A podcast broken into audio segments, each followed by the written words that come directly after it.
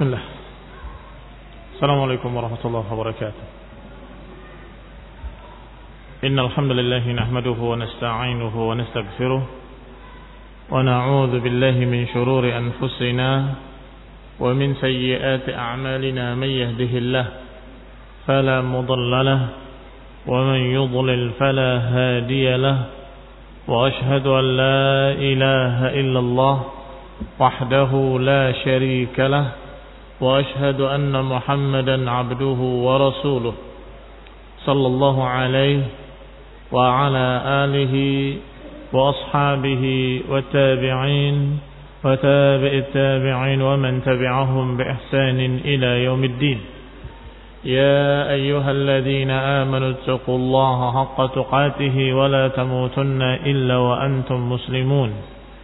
يا أيها الناس اتقوا ربكم الذي خلقكم من نفس واحدة وخلق منها زوجها وبث منهما رجالا كثيرا ونساء واتقوا الله الذي تساءلون به والأرحام إن الله كان عليكم رقيبا يا أيها الذين آمنوا اتقوا الله وقولوا قولا سديدا يصلح لكم أعمالكم ويغفر لكم ذنوبكم ومن يطع الله ورسوله فقد فاز فوزا عظيما. أما بعد فإن خير الحديث كتاب الله وخير الهدي هدي محمد صلى الله عليه وعلى آله وسلم وشر الأمور محدثاتها فإن كل محدثة بدعة وكل بدعة ضلالة وكل ضلالة في النار. إخواني في الدين أعزكم الله. كمسلمين يا حرمتي قال رحمه الله وقدم على رسول الله صلى الله عليه وعلى آله وسلم وفد بني عامر. datanglah ke Rasulullah sallallahu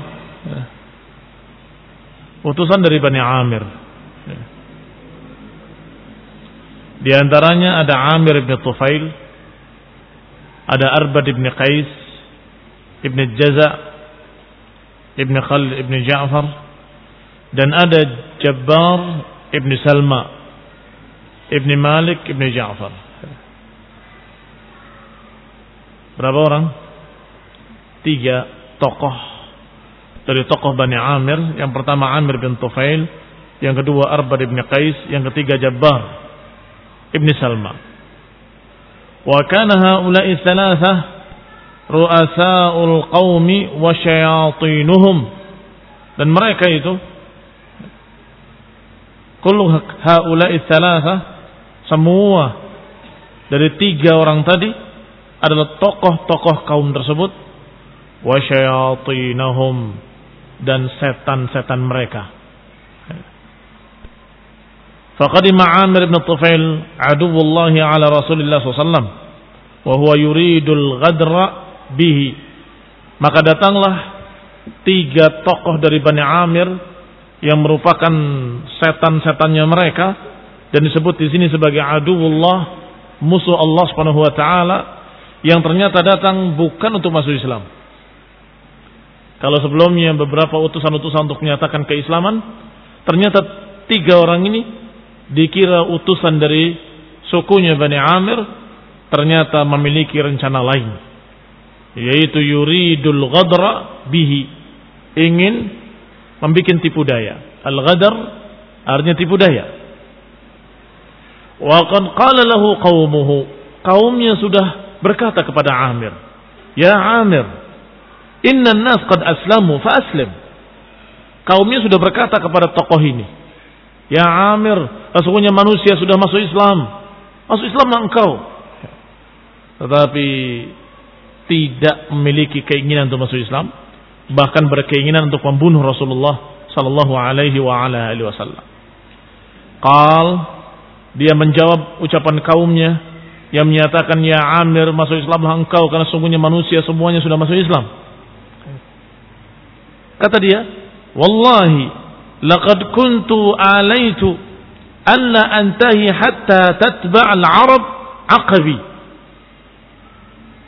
Afa ana attabi' aqiba hadha al-fata min quraish?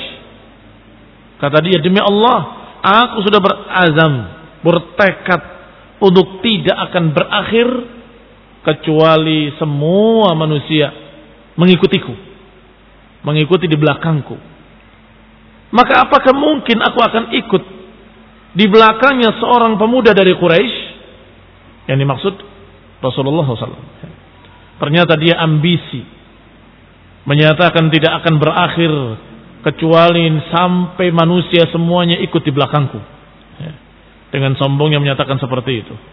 Maka kata dia, "Apa ana atba aqibah hadzal fata min Quraisy?" Maka apakah mungkin aku akan mengikut di belakang anak muda ini dari kalangan Quraisy? Li Arbad. Kemudian berkata kepada Arbad, tokoh yang satunya lagi. Arbad ibni Qais Ibn Jaza. Dia berkata kepadanya, "Idza qadimna 'ala rajul kalau kita sudah mendatangi dia, fa inni sa'usghil 'anka wajhahu." Aku akan berupaya untuk menyibukkan dia dari engkau. Menyibukkan wajahnya kepadaku. Fa idza fa'altu dzalika fa'luhu bis-sayf kalau aku sudah melakukan yang demikian, maka engkau tebas dia dengan pedang. Lihat ikhwan ibn azakumullah, niat jahatnya setan-setan dari Bani Amir. Yaitu Amir sendiri bin Tufail dan Arbad ibn Qais. Dan juga yang ketiganya Jabbar.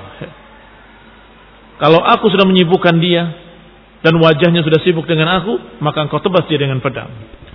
Falamma qadimu ala Rasulullah sallallahu alaihi wa ala alihi wasallam qala Amr bin Tufail. Maka ketika datang menemui Rasulullah sallallahu alaihi wa ala alihi wasallam, maka berkatalah Amir bin Tufail, "Ya Muhammad, khallini." Ya Muhammad, aku ingin bicara berdua. Kalau bahasa kita empat mata. Qala la, wallahi hatta tu'mina billahi wahdah. Tidak. Demi Allah hingga engkau mau beriman pada Allah Subhanahu wa taala. Lihat ikhwan azakumullah.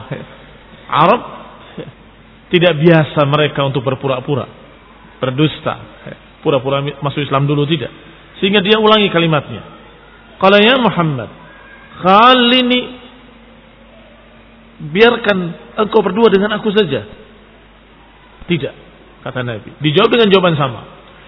Wa ja'ala yukallimuhu wa yantadir min arbad ma kana amruhu bihi.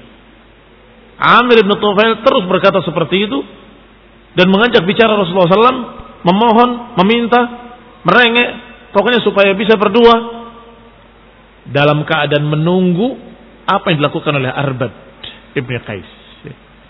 Faja'ala Arbad la yuhiru syai'a. Sedangkan Arbad dalam keadaan tidak berbuat apa pun. La yuhiru syai'a maknanya dia tidak menjawab, tidak menyambut apa yang dimaksud oleh Amir bin Tufail. Falamma ra'a Amir mayasna Arbad qal. Ketika Amir melihat apa yang dilakukan oleh Arbad yang ternyata enggak bergerak, tidak berbuat, maka Tufail Amir bin Tufail berkata, Ya Muhammad khalini. Ya Muhammad biarkan aku berbicara dengan engkau. Rasulullah SAW tetap menjawab, La wallahi hatta tu'mina billahi wahdahu la syarikalah. Tidak, sampai engkau beriman kepada Allah sendirinya dan tiada sekutu baginya. Falamma aba alaihi Rasulullah SAW, ketika Rasulullah SAW menolak ajakannya, qal maka berkata Arbad, "Ama wallahi la amla annaha 'alaika khailan wa rijala." Sungguh demi Allah, aku akan kerahkan untuk engkau, aku akan kerahkan kepadamu tentara yang berkuda dan berjalan kaki. Falamma walla ketika Amir bin Tufail berpaling dan pergi, qala Rasulullah sallallahu alaihi wa ala alihi wasallam, maka Rasulullah pun berdoa Allahumma kfini Amir ibn Tufail. Ya Allah, cukupkanlah kami dari Amir bin Tufail.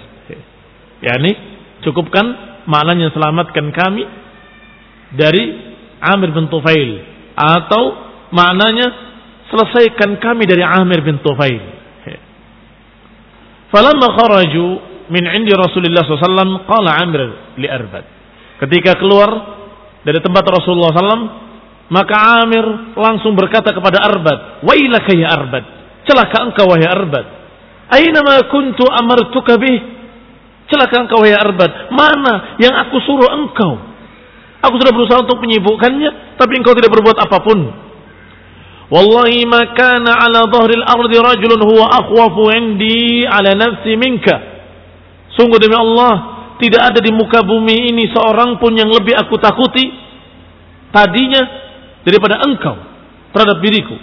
Tetapi wa aimullah Sungguh demi Allah, la akhafuka ba'dal yaumi abada. Sungguh demi Allah, aku nggak takut lagi kepadamu selama-lamanya setelah ini. Artinya, Amir tadinya segan kepada Arbad dan menganggap orang yang paling ditakuti. Tetapi setelah kejadian ini kata Amir, aku sungguh menganggap remeh engkau dan aku tidak takut padamu sedikit pun. Abadan. Kata Arbad, la abanak. Tidak ada ayah bagimu La ta'jal alayya, jangan terburu-buru. Jangan terburu-buru. Wallahi ma hamamtu billadhi amartani bihi min amrihi illa dakhalta baina baini wa bainar rajul. Sungguh demi Allah, tidaklah aku berkeinginan untuk melakukan apa yang kau perintahkan kepada aku kecuali tiba-tiba engkau berada di tengah antara aku dengan dia.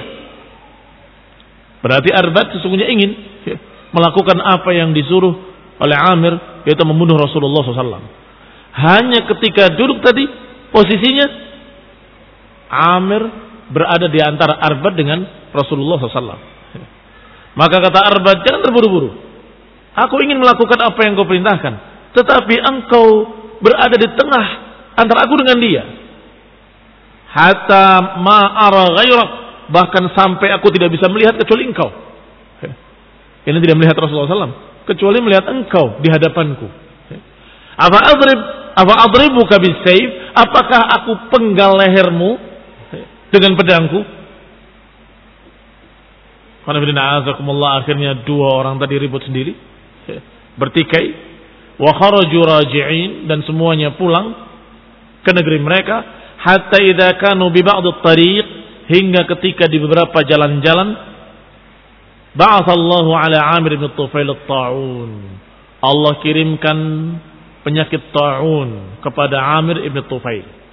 Penyakit ta'un adalah penyakit yang mematikan yang biasa mengenai binatang atau unta-unta tapi bisa mengenai manusia juga. Fi unuqih terkena di lehernya. Faqatalahu Allah maka akhirnya dia mati. Allah bunuh dia dengan penyakit tersebut. Fi bait imra'atin min bani salul. Di rumah seorang wanita dari suku Bani Salul. Qala faja'ala yaqul. Maka dikatakan ya Bani Amir aghuddatan ka ghuddatil bakri fi bait imra'atin min Bani maka beberapa orang yang sudah menasehati Amir dan yang bersamanya, maka mereka pun melihat kejadian itu berkata, Ya Bani Amir, wahai suku Bani Amir, apakah mau kalian ditimpa seperti apa yang menimpa Bani Amir, yang menimpa Amir bin Tufail? Kaguddatil bakri fi baiti imra'atin min Bani Salul, yaitu seperti orang atau seperti unta yang terkena penyakit ta'un dan kemudian mati di rumah Bani Salul, di rumah perempuan Bani Salul. Hina dari segala sisinya. Ya.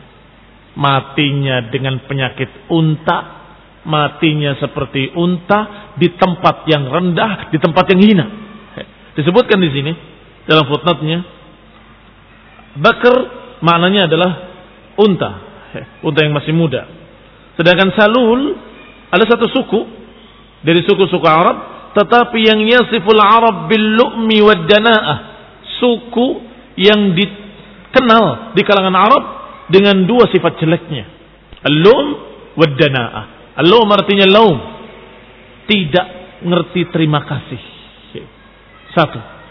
Diperbuat kebaikan kepadanya, dia akan balas dengan kejelekan. Penyakit atau kejelekan yang kedua adalah ad-dana'ah, rendah, hina, maka dikatakan oleh seorang penyair, wa inna unasun la naral qatla sabbatan idza ma ra'atuhu Amir wa Salul. Kami tadinya adalah satu kaum yang tidak melihat, tidak berpendapat bahwa kematian itu sebagai cercaan. Tidak melihat bahwa kematian sebagai kehinaan. Kecuali setelah melihat kematian Amir di suku Bani Salul. Artinya mereka kalau mati itu bangga. Artinya mati dalam perang, mati dalam membela sukunya, mati bahkan mereka mati dalam musyrikin kadang-kadang mereka bangga. Tetapi ketika melihat matinya Amir bin Tufail, mereka menyatakan kecuali setelah kami melihat matinya Amir bin Tufail. Mati yang hina, mati yang rendah, mati dengan penyakit unta di kandang unta, bersama suku yang jelek, bersama wanita pelacur lagi. Bisa dibayangkan apa jadinya? Betapa jeleknya kematian Amir bin Tufail.